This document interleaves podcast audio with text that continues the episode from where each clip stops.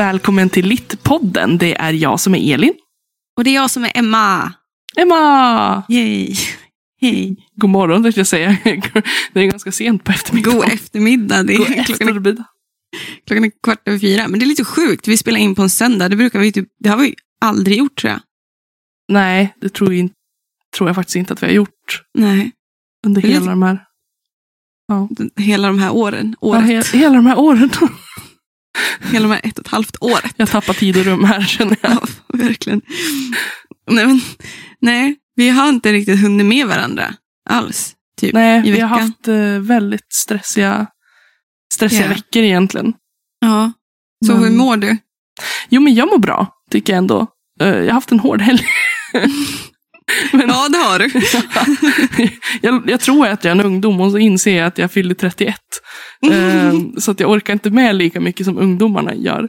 Men jag mår faktiskt väldigt bra. Eh, jag har haft en jätte, jätterolig helg. Jag, eh, vi hade en liten fest i fredags och så träffade jag dig och Charlotte Mm. igår. Vi var ute och Ja. bowlade och åt middag. Yeah. Jag Eh. sög och du sög och Ja. Charlotte vann. Ja. Charlotte vann, så att, grattis till dig Charlotte. Men jag tyckte, alltså, så här, visst att det är alltid kul att vinna, men jag tyckte att det var roligare att bara hitta på någonting. Det var jättelänge sedan jag spelade bowling. Ja men samma här, det var ju innan pandemin. Men alltså Ja. så kul. Så Ja. kul att spela bowling. Ja, vi satt precis innan vi slog igång det här avsnittet, så att vi bara pratade om att man kanske inte ska spela bowling på O'Larrys en lördagkväll. För att det var så mycket fylla, så mycket fulla, Tokerier. hemska män som bara skriker och... Uh. Ja, Ja det var lite jobbigt. Men det var väldigt kul att bowla. ja, ja. Mm. Så på det hela taget så mår jag väldigt bra. Jag är i fas med skolan. Och så. Ja, hur mår du? Jo men alltså, jag mår så jävla bra. Idag. Today a Today. Ja, jag tar det dag för dag. Nej, Mm. men jag mår ju skitbra.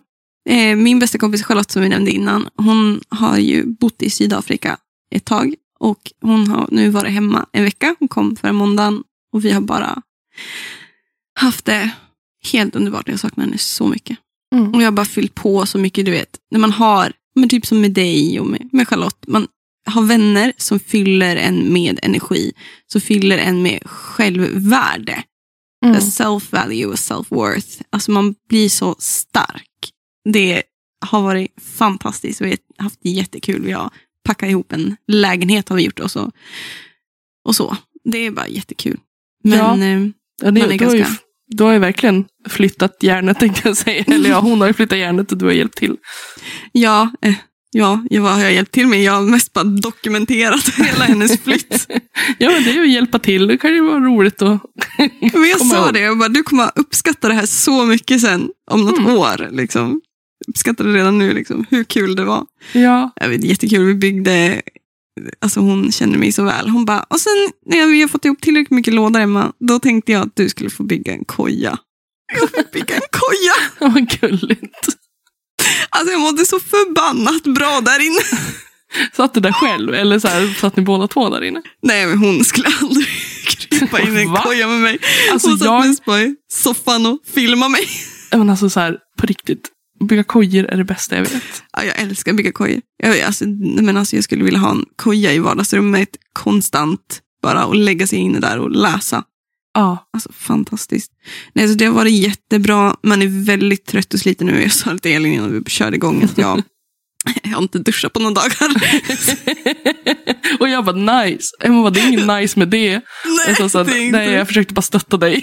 jag försökte bara vara förstående, positiv. Ja, vi försöker ju, alltså det blir ju mycket grejer, mycket ärenden, mycket saker som måste göras hela tiden och samtidigt mycket häng och snack. Eh, så att då blir hygienen det som man tummar på. Prioritera så inte sin egen hygien. Men Nej. jag förstår, det är så hektiskt att man bara så här, kör en raggartvätt och så fortsätter man med sitt liv. Liksom. Ja, men lite. Lite så har det varit och inte klar än. Men jag har en, en vecka till, så det, vi kommer hinna med det där. Och sen så flyger hon tillbaka till Sydafrika. Kommer hem igen i sommar. Mm. Så att det, det är bra just idag. Kommer vara Mm. sämre sen. Men det är ju så också. Vännerna finns ju kvar. Kärlek dör inte. Åh. Kärlek förändras. Det är vad den gör. Det är där någonstans hon och jag har landat i. Det är väldigt fint tycker jag. Ja, och det var vackert.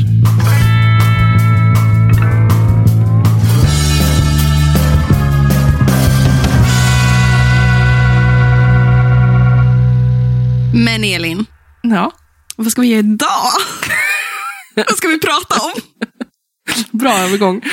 ja, jag, men, jag är så jävla taggad. Nej, men alltså så här, vi om ni har följt våra stories och sånt där Mm. så har ni sett att vi har ju läst eh, Franken, eller vad säger jag, Frankenstein, Monster i terapi eh, av eh, Jenny Jägerfeld och Mats Strandberg. Yeah. Det var ju en väldigt rolig incident där, där Emma hade tänkt överraska mig med den här boken och så gick jag in och köpte den själv på Mm. Ja. bokrean. Så att jag kunde inte ens lämna tillbaka den. Så det Nej. var ju ett fiasko. Men vi har ju båda läst den här boken Mm. och oj oj oj, Nej men alltså, vi har inga Alltså, ord. Nej, men alltså, det här är en...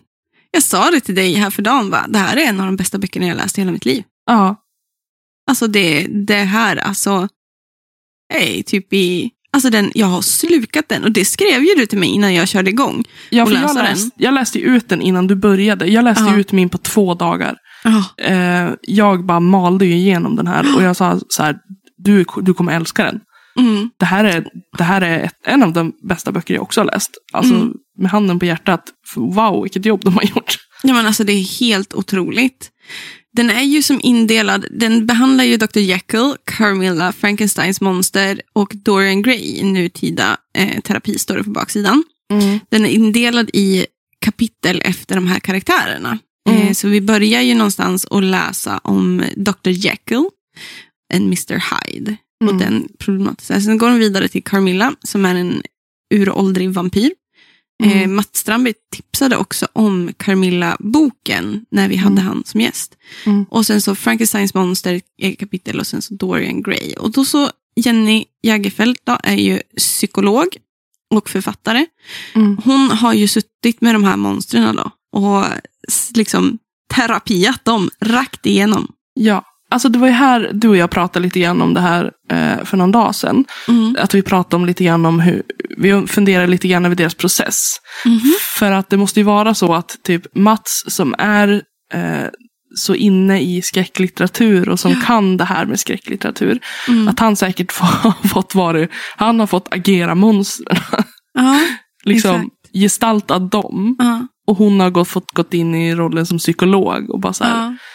Vi, satt, vi, vi funderade på, liksom, har det varit något så här rollspel? Ja, För att det som boken gör då, det är att det är en, van, det är en riktig terapisession då, mm, med de här som, där de spelar in terapisessionen, eller huvudkaraktären då, psykologen, som man typ, det är ju inte Jenny, men man tänker ju att det är Jenny. Eh, Ja, det är ett psykologen- jag-narrativ. Ja, psykologen är ju o... Eh, vi får ingen namn utan det är Nej. överstryket.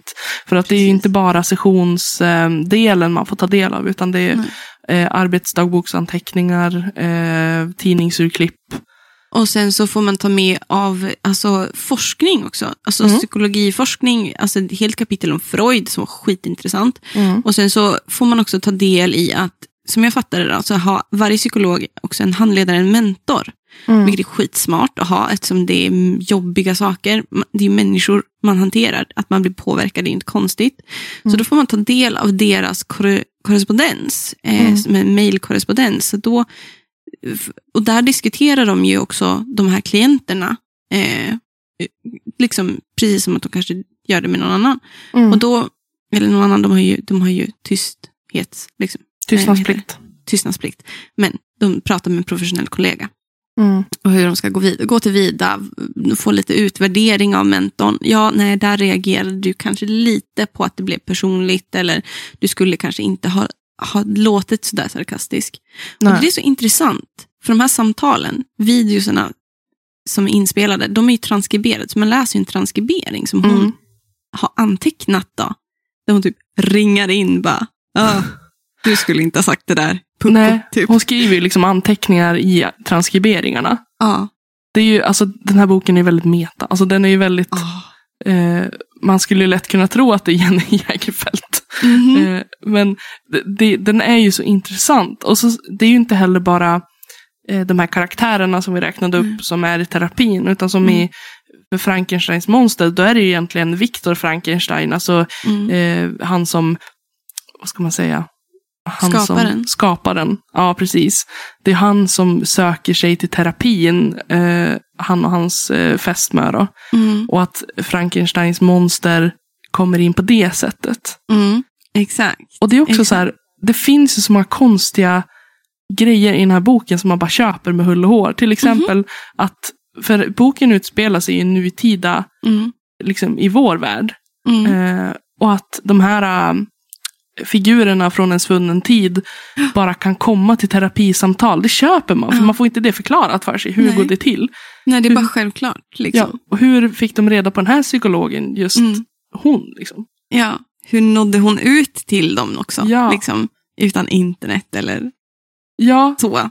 men det, det, alltså det är den här mystiken som gör att det är Mm. spännande. Man bara, oh, Ja, exakt. Och lite så här äh, intressant för att, att möta ett av de här 1800-talsmonstren eller karaktärerna, bokkaraktärerna. Hur reagerar man när Frankensteins monster kliver in? Eller hur reagerar man när liksom, jag menar, vad ska jag säga, Dorian Gray som ska vara den vackraste eh, liksom personen på jordklotet och han är bara lite så här obehaglig. Liksom. lite obehaglig. Men jätteobehaglig. Men han kliver in liksom och bara är supervacker. Och så här, man, alltså hur reagerar man som nutida människa på det? Liksom? Ja, för det var också väldigt intressant just det här med Dorian Gray som ska vara så vacker och sådär. Mm. För att eh, eh, psykologen är ju lesbisk. Mm. Hon är gift eh, med en kvinna och de under den här boken då får man liksom följa hennes graviditet. Och de har Mm. liksom eh, skaffat, ehm, eh, de har gått till en spermabank och liksom Mm. fått hjälp på Mm. det sättet. Och att det också, men att hon, tvi, alltså hon dras till Dorian Gray Ja. trots Ja. att hon är homosexuell. Mm. Mhm. Det säger ju väldigt mycket om hans eh, Om utseende. hans, verkligen om hans karisma eller vad man ska säga. Ja, skönhet Ja, också. någonstans.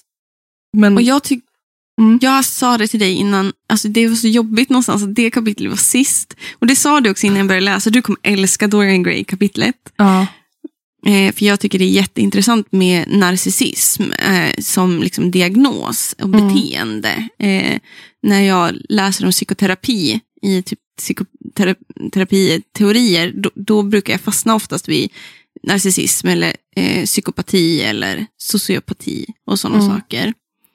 Eh, och jag började läsa liksom precis innan och bara började bläddra och bara, gud det här och det här och det här. Och gud vad intressant. Och sen så liksom, hann läsa en sida och sen så hoppade vi in i zoomfönstret och jag bara, fuck. Jag bara, sådana här människor har man ju mött. ja.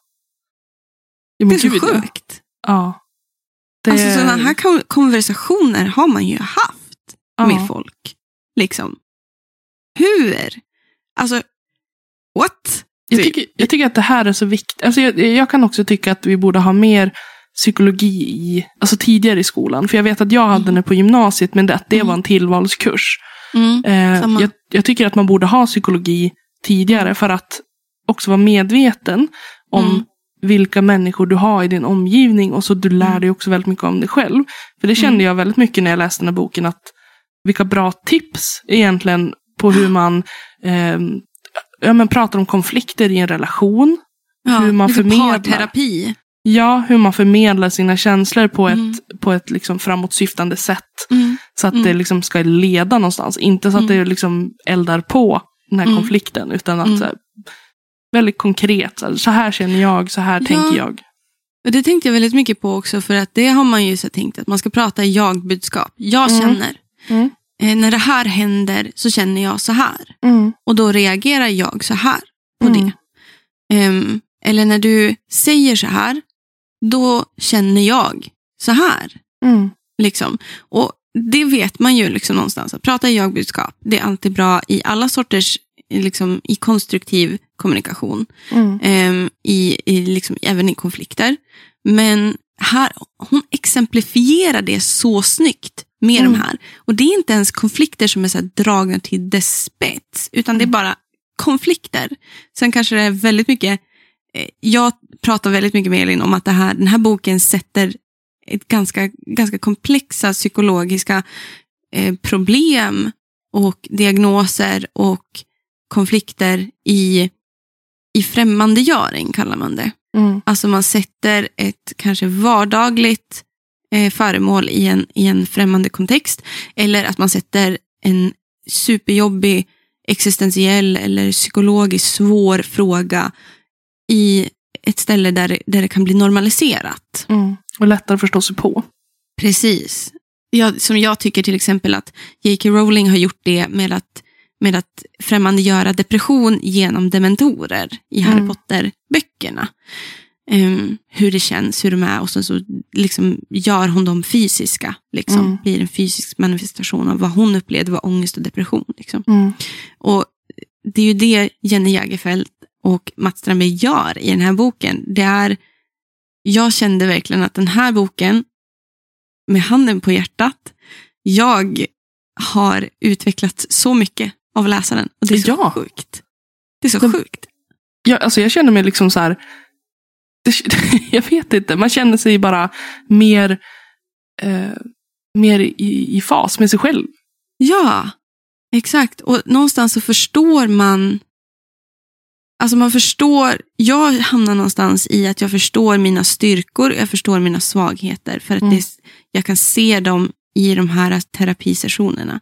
Jag kan, jag kan applicera mig själv på de här karaktärerna. På vissa karaktärer inte alls och på vissa karaktärer jättemycket. Mm. Och få då en respons på någonting som jag skulle kunna sagt Mm. av en psykolog så här genom en bok som också för mig, böcker är ju mitt sätt att, att sortera tankar, att förstå om världen, att förstå mig själv, förstå andra människor och förstå känslor Mm. utan att bli överväldigad. Mm. Ehm, och få det i bokform, alltså det är det sjukaste jag varit med om. Alltså det, jag, har tagit, jag har tagit till mig varenda sak. Liksom. Alltså jag känner mig lite called out i avsnittet om Carmilla. Eh, För att, Oj. inte, inte just om Carmilla, utan hennes partner, eh, den mänskliga eh, Berätta lite Kvinnan. om... Ja, för Camilla är ju då en vampyr. Mm. Som möter en, en ung eh, kvinna som är mänsklig. Hon, hon är ju inte vampyr. Och de inleder en relation Mm. som på många sätt är också väldigt sexuell. Fast att det liksom, Enbart sex. ja fast eh, den kvinnliga liksom, hon som inte är vampyr då, hon förnekar Mm. ju det för att eh, Laura. Ja, hon har ju en syn om vad sexualitet är. Och så här, Ja. Hon anser inte att deras relation är av sexuell natur, även om hon älskar, de älskar varandra, eh, sägs det. Mm. Eh, dock tror jag att Carmilla lever och liksom livnär sig på den här flickan Laura. Då. Mm. Eh, och att det inte är lite, kärlek. parasit, nästan lite parasitiskt. Ja, jag tror inte att det är kärlek, utan jag tror att det snarare handlar om att hon använder, hon utnyttjar Laura. Ja. Och ägande. Ja, ja, precis. Mm. Men det var någonting som den här psykologen sa till Laura. Eh, att du ofta sätter människor på en piedestal. Mm. Jag kommer inte ihåg exakt vad hon sa. Eh, Men att du ofta tänker att du högaktar folk väldigt mycket. Att du tänker väldigt högt om människor och väldigt lågt om dig själv. Mm. Och att andras åsikt nästan spelar mer roll än din egen. Mm. Och jag, jag, kan, jag kan så väl känna igen mig i det där. För så där kan jag också Mm. känna att jag själv gör många gånger. Mm. Att jag, jag bryr mig kanske mer om andra människors känslor än vad jag gör om Mm. mina egna. Mm. Och jag lärde mig jättemycket från det kapitlet. Jag, jag, jag blev väldigt liksom, ja, det måste jag jobba med. Ja, men verkligen. Och jag, jag kan säga att liksom ehm, att de flesta känner nog så. Alltså när det blir så. Alltså jag tror att de flesta människor, om man är liksom en fullt ut empatisk människa, Mm. ursäkta, ni som kanske känner att ni inte, att jag känner att jag är lite hård, men jag brukar ju vara den som är lite hård. Eh, Den som är fullt ut kanske liksom rimligt empatisk. Och man kan ju vara mindre empatisk beroende på olika saker. Det kan Mm. ju vara trauman och sådana saker som gör att man skyddar sig själv.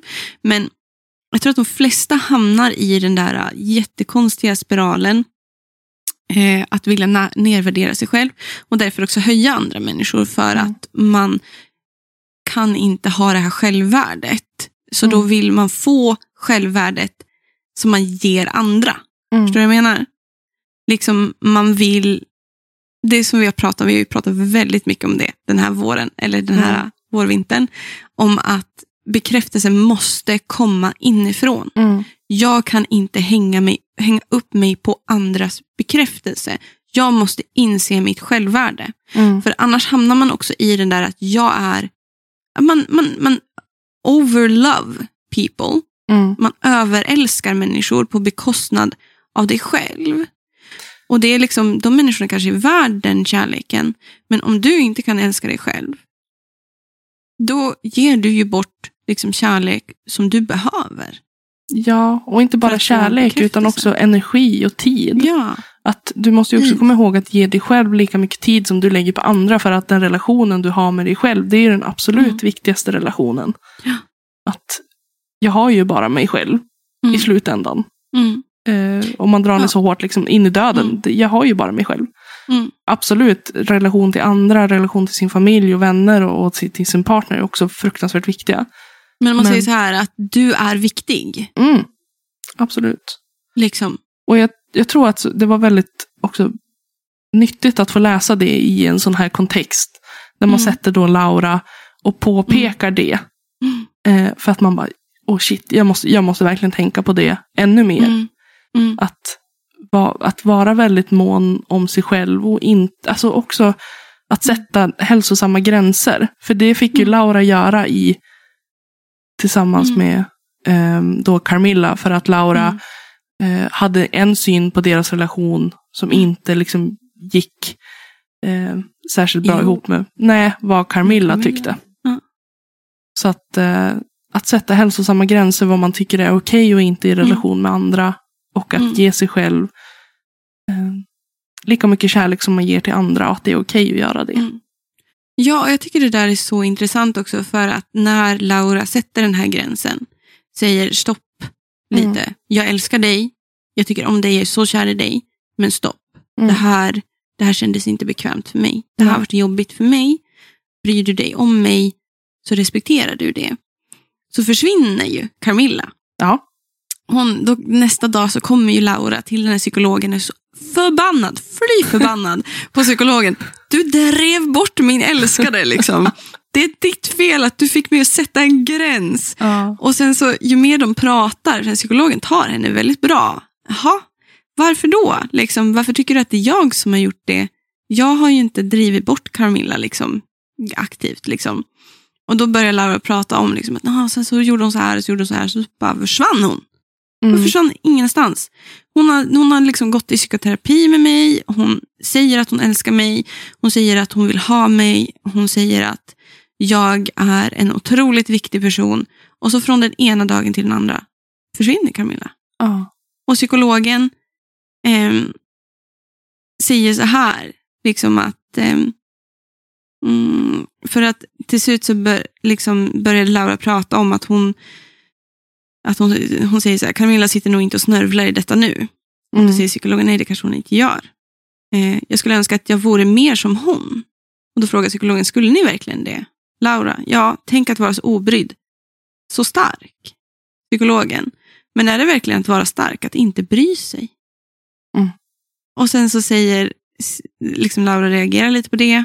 Och sen så säger psykologen, jag tycker nog att det är starkare att våga bry sig. Och på så vis är ni ju faktiskt starkare än fröken Camilla. Och så säger Laura, liksom, hon tar inte på allvar, "D- driv inte med mig, det klarar inte mitt arma hjärta. Så det är så nice också, det är, det är liksom verkligen, de pratar ju som på den tiden. ja, de har ju behållit den stilen. Ja, verkligen. Så jävla fett alltså. Ja. Och då säger psykologen, jag är allvarlig. Jag tror att fröken Carmilla försvann utan att säga hejdå för att ni började ställa krav på henne och envisades med att ha en egen vilja. Mm. Ni sa att hon verkade tycka bäst om er när ni var svag, när ni var som en docka. Och vet ni vad jag tänker på när jag tänker på en docka? Jag tänker på något man kan klä på och av som man vill. Man kan börja böja lederna hit och dit, man kan få den att säga och göra vad man vill. En docka kan inte säga emot. En docka har ingen åsikt om något alls. Paus. En docka kan inte växa och utvecklas. Och jag tror att det, här, det hade blivit svårt för er att växa i relationen med Carmilla. Jag tyckte det där för mig var det väldigt träffande. För jag ofta så här, när vi började bli riktigt bra vänner du och jag, Mm. så var det en grej med mig där jag alltid har känt mig eh, viewed as a doll Mm. jag är en docka. Eh, och det är lite det här liksom, att Emma är nice att känna. Hon är alltid glättig, hon är alltid glad, hon sprider energi. Ehm, hon lyssnar gärna, hon pratar gärna om svåra, tuffa grejer. Jag, eh, en av sakerna som jag tycker om mest med mig själv är att jag alltid är ganska pepp på när människor vill göra saker. Alltså inte göra saker med mig, men när de vill utvecklas eller göra någonting nytt eller ta en ny väg i livet eller plötsligt ändra sig eller ta upp ett kreativt projekt eller vad som helst. Jag, jag, jag tycker om att peppa människor i det. Jag tycker det är så kul Mm. när människor vill det. Liksom. Men jag har också insett någonstans att jag sällan har fått så mycket tillbaka. Mm. Em, på gott och ont. Jag ger gärna, men till slut kan man ju inte bara ge. Till slut måste man ju få någonting. Man kan ju inte bara sitta och vänta på en Nej. annan person som kanske kommer ge någonting. Liksom. Och det där att det var så träffande att hon bara, jag tänker på, jag tänker att det är en docka. Ja. Och jag bara, shit, det är så bra. Det, för mig, då, då bara sög jag in det totalt. Liksom. Prata mitt språk, liksom. mina liknelser, mitt metafor. Alltså det är så Ja. otroligt välskrivet. ja, men och just det hon sa att det är en styrka att bry sig. Ja. Att vissa kan tycka att man bryr sig för mycket eller att man liksom, Mm. ja men bryr dig inte om det där. Eller grubblar för mycket. Ja, eller, eller bara liksom så här- Eller, Ja, precis. Men att det är en styrka och det visar på Mm. att man är mer utvecklad empatiskt sett än kanske då den andra, eh, då, om man jämför med någon som är som Carmilla till exempel, Mm, mm. som är väl, alltså gör allting för, för att, att njuta av livet lite. ja, att det ska liksom vara självtjänande, alltså det ska ge henne någonting. Det spelar ingen roll om det drabbar någon annan, utan Nej. väldigt egocentrisk. Mm. Eh, att jag ska ha det bra och så fort det blir lite svårt när det ställs krav och där Mm. jag också måste utvecklas så, Mm. så drar jag bara för att Mm. äh, det, jag kan hitta det här jag söker hos någon annan som Mm. inte har lärt sig att ställa kraven. Mm. Det enda som jag typ saknade i det kapitlet, för jag tyckte det var så empowering på många sätt och vis. Det var det, jag hade så gärna önskat att det hade varit Laura som hade varit den som gått. Det hade, men det hade inte blivit samma sak i terapisessionen sen. Men jag önskar någonstans att hon hade fått vara den som bara watch me walk out. Jo, men jag tycker också att så här, den sista, och nu vill man inte spoila för mycket, men Mm. i den här sista sessionen där hon kommer ensam när, efter att Carmilla har lämnat henne, Mm. att den föränd- under den här sessionen så förändrades hennes synsätt att Mm. det, är, det visar mer på hur det faktiskt kan se ut. Att det, liksom, Mm. det är inte att så här, från en dag till en annan så hittar jag den här styrkan. Utan du får jobba väldigt mycket med att hitta det själv. Och att Mm. hon också beskriver det liksom efteråt, den här psykologen, som att Laura Mm. pendlar väldigt mycket i sina känslor. Men Mm. och att det alltid är liksom fyra steg framåt, två steg bakåt. Mm. Eh, vilket att det är så i verkliga livet också. Att du Ja. är inte du är inte bra på en gång du börjar liksom i en terapi. Utan så här, det tar år, Mm. år att liksom prata om dina känslor och Ja. lära sig att hantera dem. Mm. Eh, och jag, jag tycker ändå att det visade på en väldigt eh, på, eh, det var väldigt, väldigt verklighetstroget, tycker jag. Ja, men verkligen. På snudd lite anakronistiskt eh, kan jag tycka. För Mm. att någonstans så är ju också Laura en, en produkt av hennes tid. Mm. Så det var väl det som man måste kanske tänka när man läser den här böckerna och de här terapisessionerna. Att det är i terapisessioner i nutid. Så många gånger kommer det bli anakronistiskt. Mm. Och många gånger var det väldigt så här, verklighetstroget. Liksom, när eh, hon, psykologen fick ju liksom panik för att hon råkade bli lite för personlig när hon pratade med Dr. Frankenstein och hans fru och nämnde att de hade varit, då, eh, hon och hennes partner hade varit på en spermabank. Och så skulle hon försöka förklara vad en spermabank var och liksom frun och Frankenstein bara, vad är det här? Va? Vilket var en sån snygg, får vi gå vidare till Frankenstein-avsnittet. Det var en sån snygg för att där behandlar vi ju eh, Dr. Frankenstein först och Mm. främst. Och hans på sätt och vis övermod i Mm. att ha s- velat skapa liv och sen skräcken i att han hade gjort det. Han, på sätt och vis brände han ut sig också. Det är Ja. liksom en annan del av det. Eh, och han var så fascinerad över att hon var liksom, hade en partner som var kvinnlig. Hon själv är kvinna. Eh, rent biologiskt är det som det är. Men att de hade skapat ett eget liv ändå. Ja. Men, och då lyckades den psykologen hon lyckades förklara att men det, det ursäktar inte ditt sätt att skapa ett liv. Det Nej. ursäktar inte ditt högmod att skapa ett liv. Att skapa någonting som Varför ville du skapa det? Mm. Vi ville skapa vårt liv, det här barnet, för att älska, och cherish och ta hand om. Du ville skapa ditt monster som inte är ett monster utan blir en varelse sen, vilket är snyggt också. Mm. Em, för att bli tillbedd. Fast riktigt så var det inte heller. Alltså, det var ju typ den första tanken. Eh, det var ju det första man liksom fick veta. Att det var ju liksom för att han ville på sitt vis sätta Jo, men ja, print jag på pratade världen. om den delen Ja, av den här ja. psykolo- Att det var snyggt att använda en Ja. sån sak som Ja. skulle bli anakronistiskt men Mm. inte blev det. Men det visade sig också att han hade ju eh, väldigt känslosamma anledningar till varför han ville Mm. skapa det här monstret. Och det var ju för att hans Precis. mamma dog. Och att han ville, han ville kunna skapa liv, vilket då känns som Mm. att han ville rädda sin mamma. Eller liksom också Ja. att förhindra att behöva tappa någon igen som man bryr sig Mm. om. Mm. För att hans mammas död satte ju fruktansvärda Mm. trauman i honom. Han Ja. mådde ju fruktansvärt dåligt över det. Ja, precis. Så det tyckte jag också var väldigt snyggt. Att så här, Mm. det är väldigt lätt att tänka sig Viktor Frankenstein som en antagonist, som Mm. är känslokall och som bara du Mm. lämnade ditt monster då, eh, Ja. som man kallar det, och liksom flydde Mm. utan att ta hand om det liv du har skapat. Men att Mm. man får liksom gå in mer i hans karaktär och inse att så här, du är inte en perfekt människa och att dina liksom varför du gjorde som du gjorde, det var också väldigt känslobaserat. Det finns en logisk anledning bakom, en, lo- en känslomässigt logisk Ja, det gör det inte mer okej. Absolut inte. Men Nej. man lär känna honom på ett annat sätt. Ja, och det var liksom intressant någonstans. Han, Dr. Frankenstein känner jag och Dr. Jekyll och Mr. Hyde, de var ju liksom, nu har jag som sagt inte läst slutet på Dorian Gray så du får ju säga det, men jag tycker att de karaktärerna fick upprättelse. Mm. För att de böckerna, alltså Frankenstein, så är, tycker inte jag att, alltså då tycker man inte om Dr. Frankenstein. Nej. Jag tyckte inte om han alls. liksom. Nej, inte jag heller. Jag tycker att eh, det var fruktansvärt att lämna den här varelsen helt Mm. oskyddad. Där han måste Mm. lära sig att leva. Det är som att lämna Mm. ett barn. Ja, Och låta barnet växa upp Ja. mm, bara själv. Ja, exakt. Så oempatiskt, liksom, Ja. så egocentriskt. Och då i den här monsterterapiboken så tycker jag att Mats och Jenny bara gav Frankenstein, Dr. Frankenstein lite upprättelse Mm. som karaktär. Genom att han fick faktiskt, det bara, poletten föll ner för han. Att oj, Mm. shit. Jag men också sätta dem i ett terapirum tillsammans. För att i, Mhm. i Frankenstein så är de ju liksom i... Separerade nästan Ja. hela tiden. Och när de träffas så är det ju bara mord och elände och Ja. fruktansvärda saker som händer. Så att sätta dem i en kontext där de sitter och pratar med varandra och Mm. delar med sig av sina känslor. Mm. Det, liksom, det känns som att man fick ett annat slut på Frankenstein.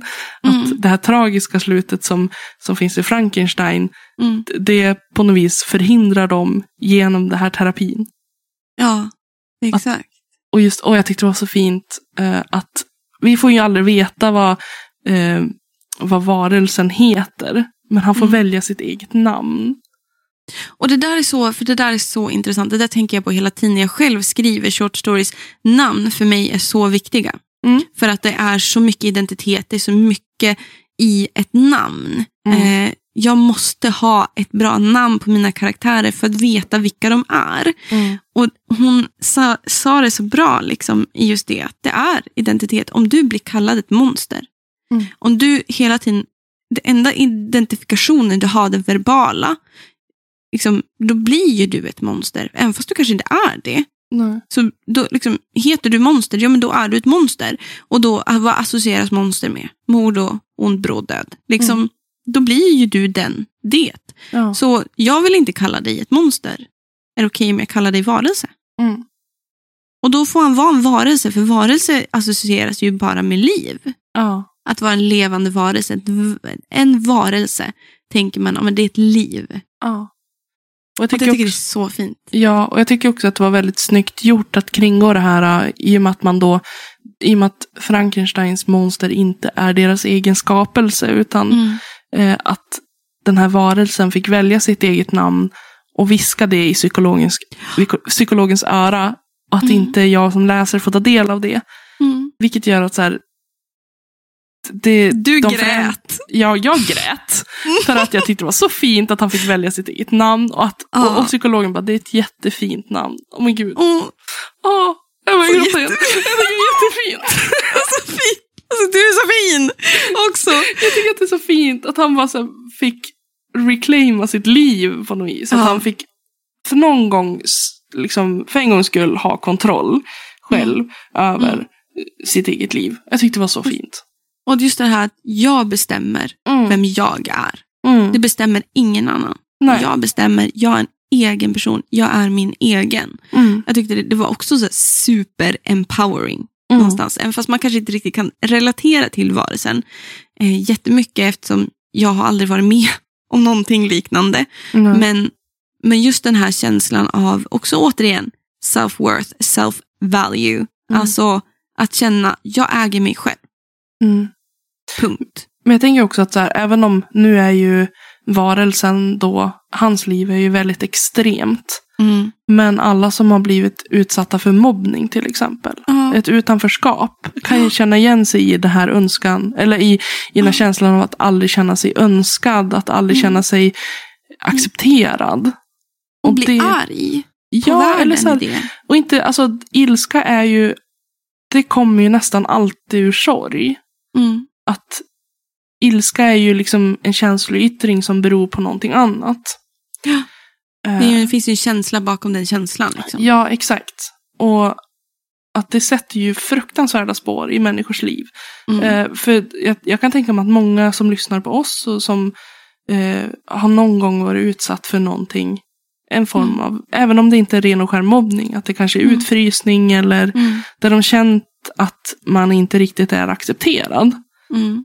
Och där kan man ju verkligen förstå varelsens känslor i och med att man, man vill man vill bara synas, man vill bli accepterad för den man är. Men att man försöker Absolut. anpassa sig och vara så snäll och så liksom så fin som Alltså- möjligt för att andra ska acceptera en. Och det är så tragiskt. Att det Och så liksom, räcker man bara inte till. nej, liksom. det spelar ingen roll hur mycket snällt du gör i ditt liv. För det kommer alltid finnas människor som inte tycker om dig av någon anledning. Mm. Och där måste man också så här, återigen, eh, bekräftelsen som kommer inifrån. Mm. Att oavsett om du träffar på någon som inte tycker om dig, Mm. även om de, att du inte har gett dem någon anledning till det, så Mm. ska inte liksom, då är det jätteviktigt att du har en bekräftelse inifrån som säger att, Mm. vet du vad, det spelar ingen roll vad den här personen tycker om mig. För Nej. att mitt, jag har ett självvärde och jag har människor som älskar mig. Och jag älskar Mm. mig själv. Så att den här personen, jag bryr mig inte om den här personen. Ja, eller jag bryr mig om den här personen. Det kommer man ju göra. Det är jättesvårt att stänga av de känslorna. Men att jag väljer. Jag Mm. bestämmer. Mm. Jag bestämmer om det här kommer att låta mig påverka mig eller inte. Mm. Och det här, jag bestämmer om det här kommer att låta mig förändras och hur det kommer förändra mig. Liksom. Ja, om jag vill en, lägga energi på att tänka liksom, Mm. på den här personen. Eller om jag går Ja. vidare och börjar tänka på människor som gör mig glad. Som Ja, ger mig... på mig själv. Ja, Liksom. Ta hand om mig själv. ja. Ja, Men, men du hade plockat ut ja, citat, eller? alltså jag, jag hittade ju alltså två av mina favoritställen. Mm. Ett är väldigt kort. Bara den andra- två. ja, bara två, men eh, den ena är lite längre. Så jag börjar med det korta. Och det var alltså, ett ställe som fick mig att asgarva. Eh, Mhm. för jag tyckte det var så himla roligt att jag gillar ju liksom när man driver lite med sig själv. Eh, vilket då eh, Jenny Jägerfeldt gör. För Mm. i sin arbetsdagboksanteckning, en av dem i alla fall, Mm. så, så pratar hon lite grann om eh, ja, men hon, hon, hon eh, pratar lite grann om sina patienter och sådär. Och sen skriver hon i slutet av sina anteckningar PS. Hittade en artikel av Jenny Jägerfeldt i S, eh, Svenska, Svenska Dagbladet om Uncanny Valley. Kanske är det vad Viktor upplevde när varelsen öppnade ögonen? Frågetecken. Mm. PS2. Stör mig ju lite att JJ alltid får sitta och gagga i morgonsoffer och bre ut sig i de stora tidningarna. Är de verkligen så himla bra? Nej, men, oj. Jag tycker att det är så roligt att hon skämtar på sin egen Det är bekostnad. så skön Ja, stil. Det, det gör att man kommer lite närmare, tror jag. ja och samtidigt så Boken. för i och med att det är så lätt att tänka sig att det är Jenny Jägerfeldt som sitter där i soffan med varelserna så är det ett snyggt Mm. sätt att distansera sig Ja. Eh, från det. Att de ska vara två skilda individer. Att ta, aktivt ta bort författarens intention Ja, genom att nämna författaren. ja, för att psykologen i det här, det har vi glömt att säga, Mm.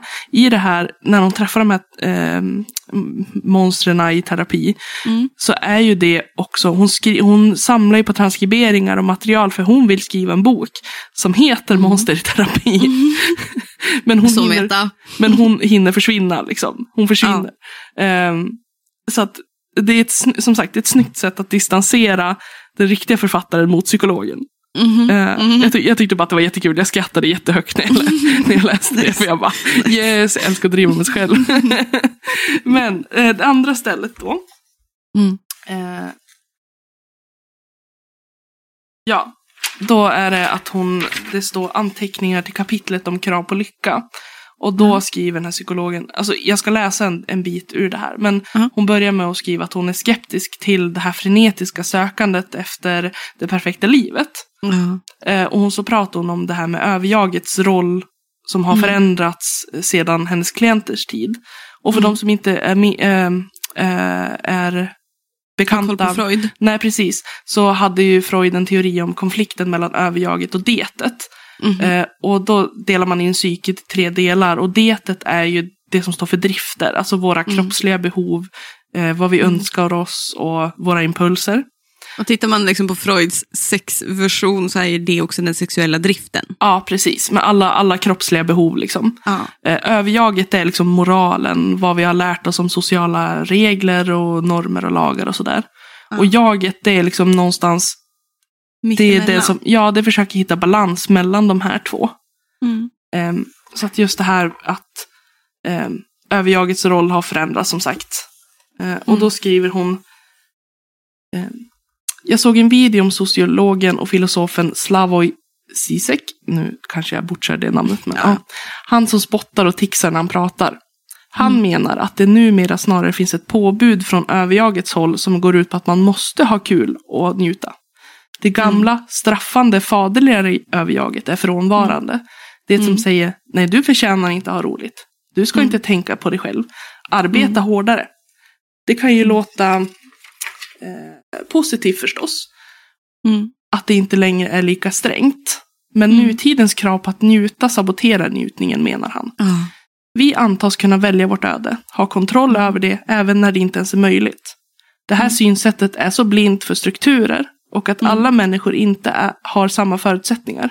Mm. Jag tänker på en viss jävla politiker som la ut en bild på en nyinköpt prydnadskudde på Instagram. På kudden stod det Anywhere is paradise, it's up to you. Mm. Det är så jävla kontextlöst och korkat. Precis som alla våga välja glädjen-lallare.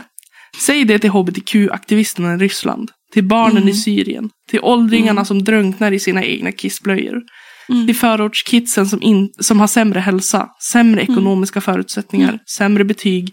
Endast som res, ett resultat av var de bor. De har ingen, inget jävla val. Mm. Och vi relativt trygga medelklassmänniskor har för många val.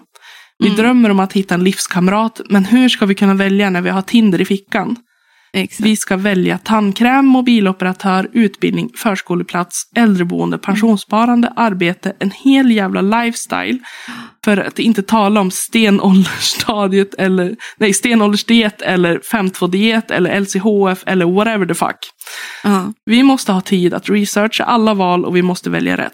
Detta Mm. imbecilla insisterande på att individen kan välja sitt eget öde skapar känslor av skam och ångest ifall Mm. man inte lyckas med sitt liv. Att Exakt. man själv är ansvarig för sina val föder skuldkänslor och en rädsla för att ångra sig ifall man väljer Mm. fel. Vad blir konsekvensen? Jag tyckte att det här var, jag tyckte att det här var Älskar det fantastiskt. Ja, för att det är ju så sant. Att vi som är uppväxt i en välfärd, vi har haft möjligheter och chanser som inte andra har. Mm. Vi söker bara efter mer för att våran idé om lycka är så förvriden. Medan andras idé om lycka kan vara att jag vill, jag vill bara ha ett tak över huvudet. Då Ja. skulle jag vara lycklig. Jag Mm. vill bara ha mat för dagen. Mm. Att vi är så bortskämda. Och att Mm. alla de här valen som vi behöver göra, de är inte viktiga. Det är liksom ett privilege. Ja, acknowledge your privilege. Alltså det är någonting som jag, alltså nu vill jag inte säga att jag kan inte jämföra mig med de som har eh, vuxit upp liksom i ett, ett tungt förtryck. Liksom. Eh, men däremot så kan jag ju känna väldigt många gånger med min ADHD-diagnos. Mm. Liksom, det där med jakten efter lycka. Mm. Ja, good the luck fuck när du har en diagnos eh, och den är odiagnostiserad hela din barndom, hela din, halva ditt vuxna liv och så är du då också deprimerad och du har inget val. Du har ingen aning varför. Och alla bara, ah, du ska ju bara vara lite glad, du ska ju bara vara lite lycklig. Du, du skapar din egen lycka. Jag ser att jag blir röd i ansiktet. Jag blir upprörd.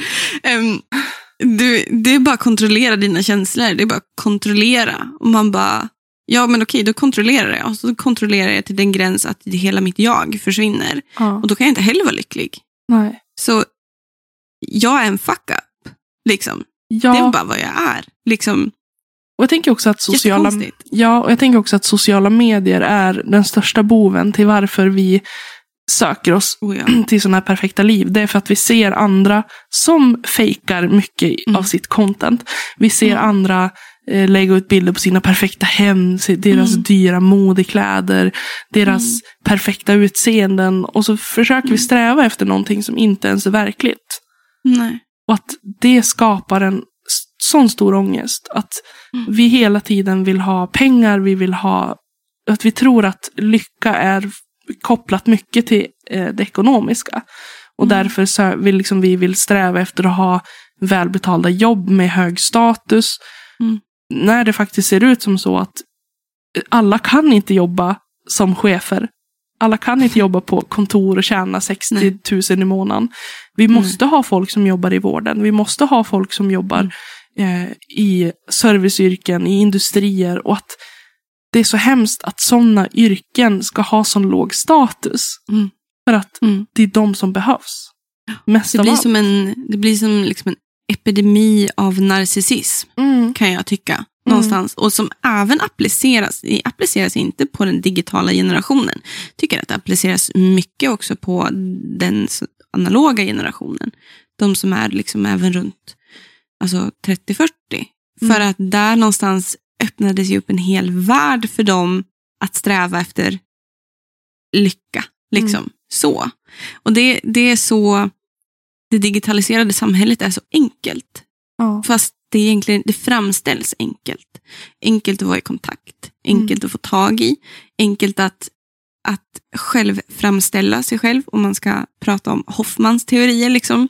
Att vi, vi är lättare att spela teater, lättare att fejka. Mm. Att man är någon, eller vam, vem man är.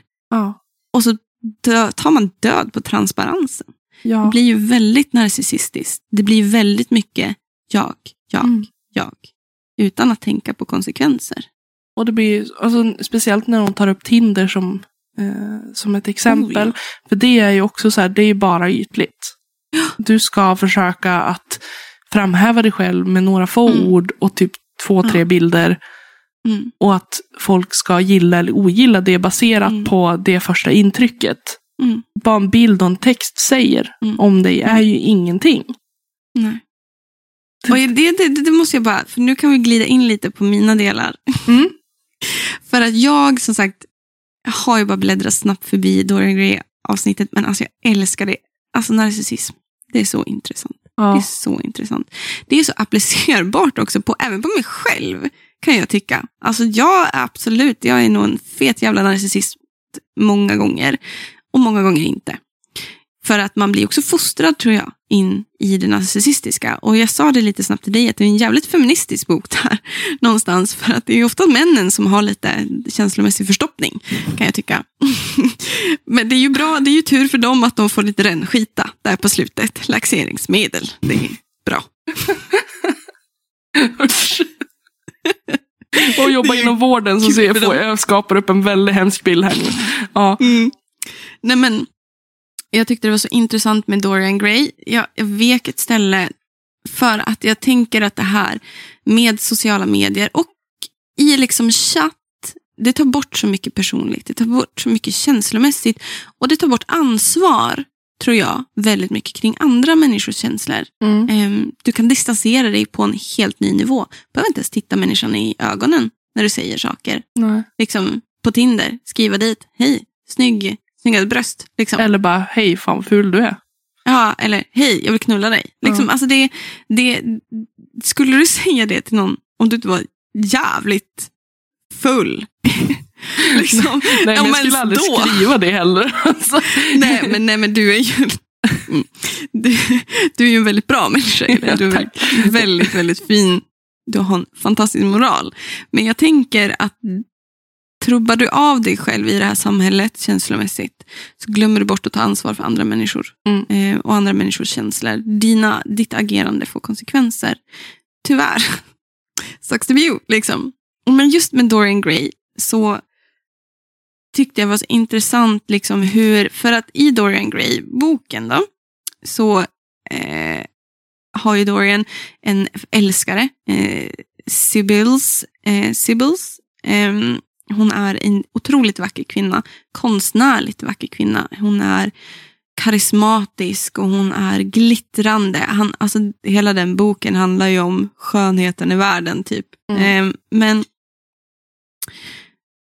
det är liksom, hon blir ju också väldigt framgångsrik, vilket Dorian Gray också tar som sin egen framgång någonstans. Eh, där också hon antecknar den här psykologen, narcissistiskt, att göra det. Liksom. Eh, hela världen skulle, hon, han säger liksom, mm, hon hade just öd, för att det går inte så bra för henne.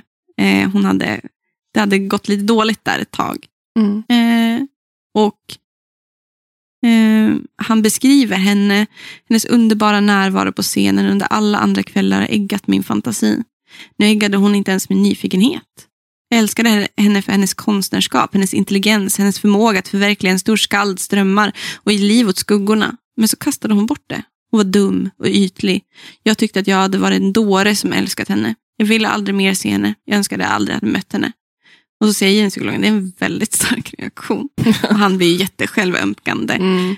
Ehm, och så säger han liksom att hela världen skulle ha tillbett henne och hon skulle burit mitt namn. Liksom, och han hade liksom sagt det till henne.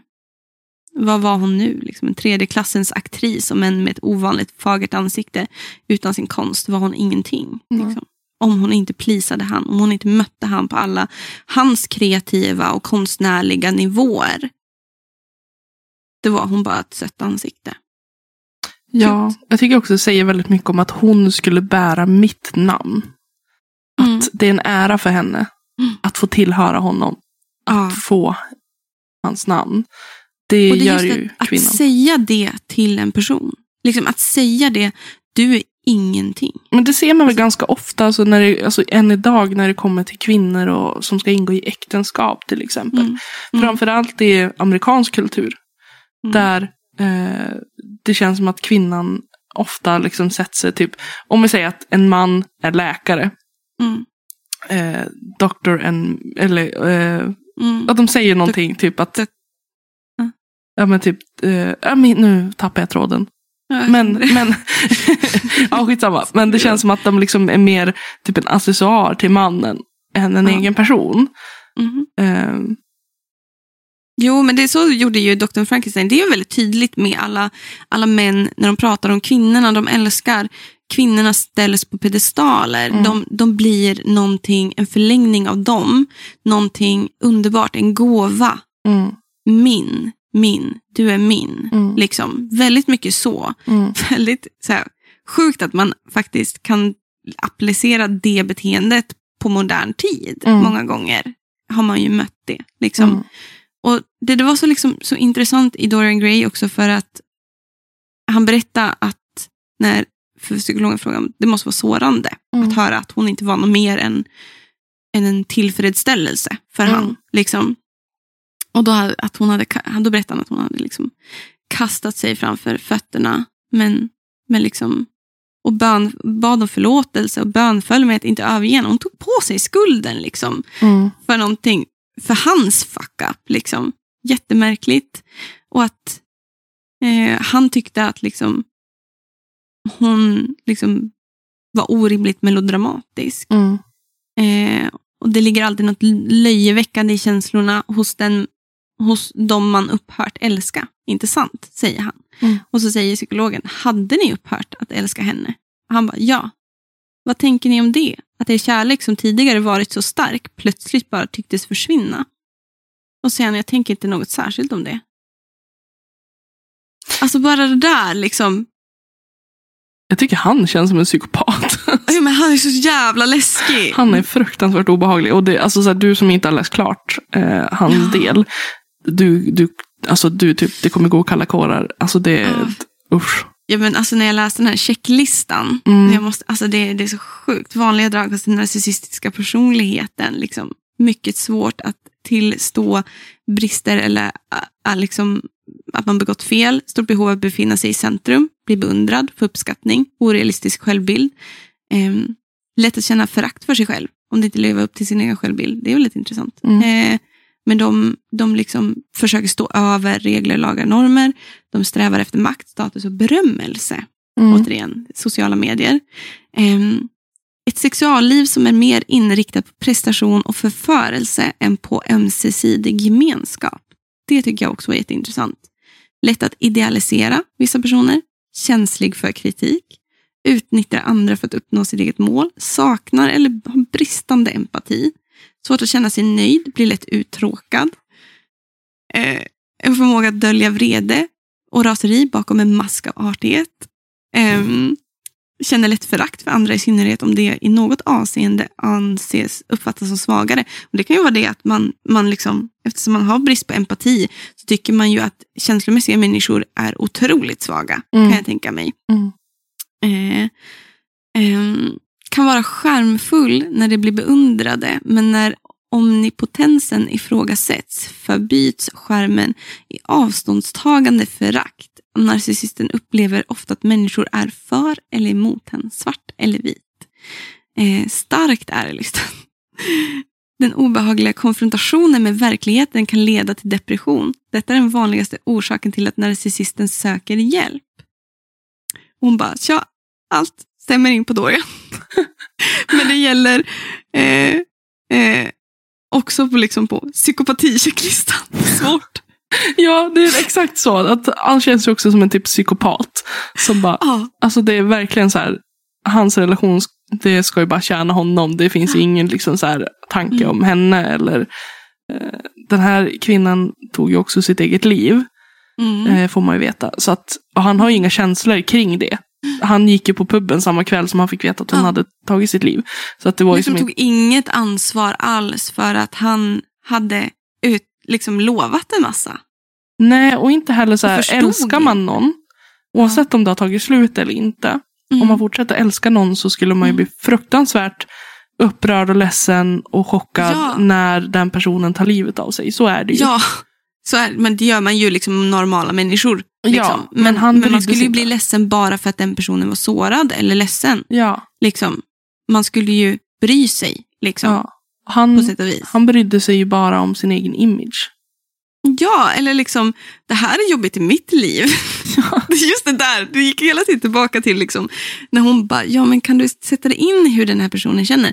Men det här, det här är min verklighet just nu. Mm. Bara, ja, jo, men saker kan ju leva parallellt. Liksom. Du Ja. kan ju visa empati för andra människor och ha det jobbigt själv. Ja. Liksom. Det är inte konstigt. Ehm, det är ju inte jättebra ifall du inte gör det. Ja, Det är en så jävla bra bok. ja, fantastiskt. Jag ser att klockan rinner iväg för att vi har pratat om den här. Ja, men det, vi får gå över lite minuter för Jo. det här är så jävla, den är värd varenda sekund. Ja, Tycker jag. Ja men verkligen, verkligen. Eh, den är Alltså, ju den- fantastiskt bra. Men det skulle vara jättekul att veta om någon av er som lyssnar har läst den och vad ni tyckte om, vad ni tyckte Ah. om den. För att Ja. den här är ju inte sprillans ny. Jag tror den kom ut 2019. Ja, det tror jag den gjorde Den faktiskt. eh, sista sidan tror jag då. Är det sista sidan? Ja. Oj, vad ovanligt. Ja. Det var, ju- oj, här är en jättefin bild på de här två. Ja, Vad kul. Ehm, lite läskig. Alltså det känns som att den passar in också så här. Det är Jag någonting med liksom själva stilen som gör att den känns lite läskig. Ja, jag tror att den, de släppte den kanske mm, 2019, 2020. Kanske. Mm. Något sånt. Exakt. Det stod inte riktigt konkret. Här står det. Eh, ja, 2019. Ja. Nej, tryckt. Ja, just min är tryckt 2020. Men den släpptes. 2019. Jag Så att den är ju inte, den är inte jätteny så att vi liksom inte så här.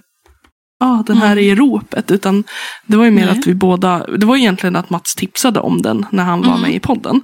Ja, Eh, och jag Exakt. tänkt att jag ville läsa den ända sedan dess. Men har liksom inte kommit Mm. till skott. Dels för att jag är för snål.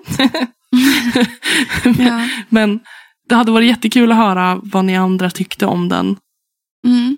Och Om, om, in, och, och om ni inte har läst den så är det här ett gigantiskt boktips. Jag tror det här är en bok som läker hjärtan, tror jag.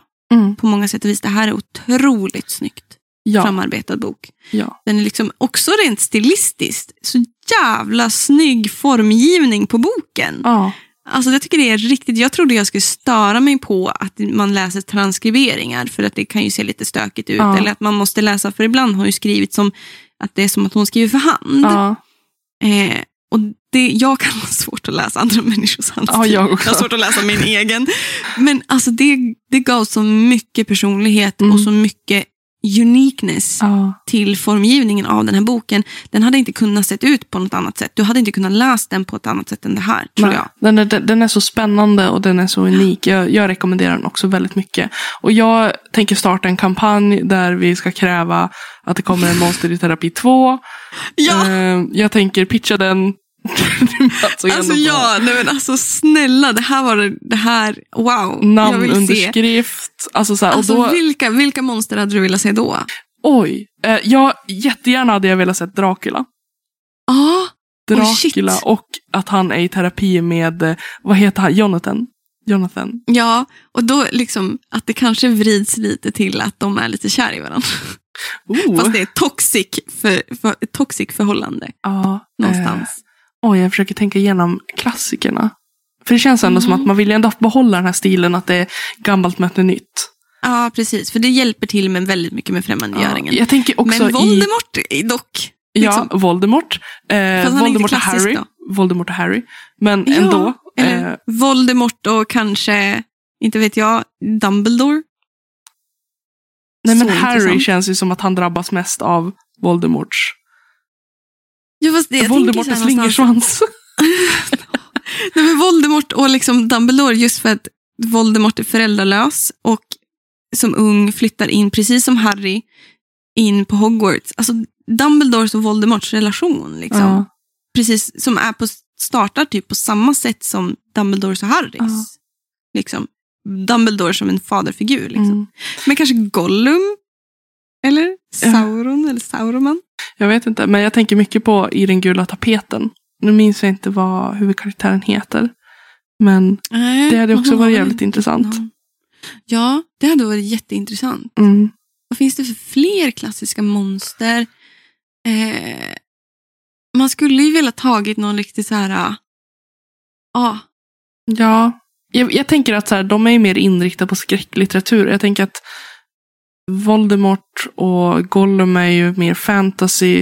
Eh, Jo, men, men det spelar, alltså, det, någonstans också så tänker jag att det behöver ju inte fastna bara i monsterterapi. Det kan ju nej, vara... alltså vi tycker Fast det är det. ju Men det monster. känns så, Voldemort är ju monster. Gollum Jo. är ju ett monster. men jag vet inte om det kan, alltså det känns som att de är ute liksom i de här gamla klassiska skräck, eh, skräckberättelserna. Ja, kanske. Att vi, vi önskar ju att de skulle ta det, men om man tänker bara så här, vad Ta det som... med alla karaktärer. Nej, men jag tänker så här, om, om man tänker sig vad de skulle tänka vore roligt, så tror jag att de här gamla, Mm. lite mer klassiska eh, skräckböckerna ja, hade också varit typ roligt att ta. Alltså så här, nu är inte det här en skräck. H.P. Lovecraft, något där liksom. Ja, Kanske. jag tycker det hade varit jättekul om ni vet så här, väntan på Godot. det är två karaktärer som väntar på någon som heter Godot, men han Ja. kommer ju aldrig. Nej. det var jättekul. Varför stod vi kvar och väntade? Han sa att han skulle komma. Åh, Tartuff! Nej, men nej, inte Tartuff. Och Orgon. Jo, Tartuff och Jo, Orgon. De har sig. jättekomplicerad relation. Tartuff är ju typ psykopat. Mm, det är han ju. Typ. Eller han är typ... Ja, alltså nej men alltså vad är han? Han är inte snäll. Don Juan. Han är ju... Men Gösta Berling, här, du hade behövt gå i terapi. Det här, det här spårar ur. Förlåt. Men om ni, alltså, om ni är som lyssnar och som också typ hade tyckt att det var kul med monster i terapi. Skriv förslag på monster Ja, vi skulle vilja ha. För då kan Så vi... kan vi bara skicka det Skicka till Jenny Mats. Det hade varit jättekul. Alltså så, det här är ett så jävla bra koncept. Alltså jag är, alltså jag är så glad. Jag är Ja. så glad att du fuckade upp din födelsedagspresent Elin. Jag också. Jag fick behålla den själv. Jag är så glad att jag läste den här äntligen. Eh, Ja, jag kommer läsa den igen flera gånger Mm. troligtvis. Ja, men jag tror den kommer bara veckla ut sig någonstans. Mm. Ja. Ja, men bra samtal. Bra samtal. Och eh, ja, hör av er med Mm. vad ni tyckte. Idéer. Och idéer så vi bara kan Ja. pitcha det vidare. För att alltså Monster i terapi 2. jättegärna, ja, It's gonna vi vill happen. jättegärna prata om den här boken mer också. Ja, ja vad, ni, jättegärna. vad ni kände. Om ni känner er, liksom, att ni orkar det. Liksom. Ja, Det är ja. jätteintressant. Ja. Men nu har vi dragit över tiden och Ja. det här var världens mysigaste monster. Jag skulle kunna prata om den hur länge som helst, som ni kanske märker. Men jag ska sätta mig ner och läsa klart det här Dorian-kapitlet och bryta ihop lite, tror jag. Gör så. Eh. Jag ska gå och handla mjölk. Och gå och gör det. Ha så trevligt. Ja, tack och så mycket. så, så hörs vi nästa gång. Ja, det gör vi. Ha det så bra. Ha, det bra. Hej! Du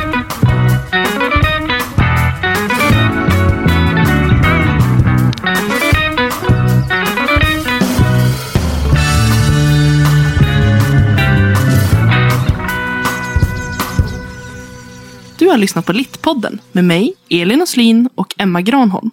Musik och klipp av Magnus Kjellson och Robert Granholm. Management av Ida Berglund. Tack hörni för att ni har lyssnat.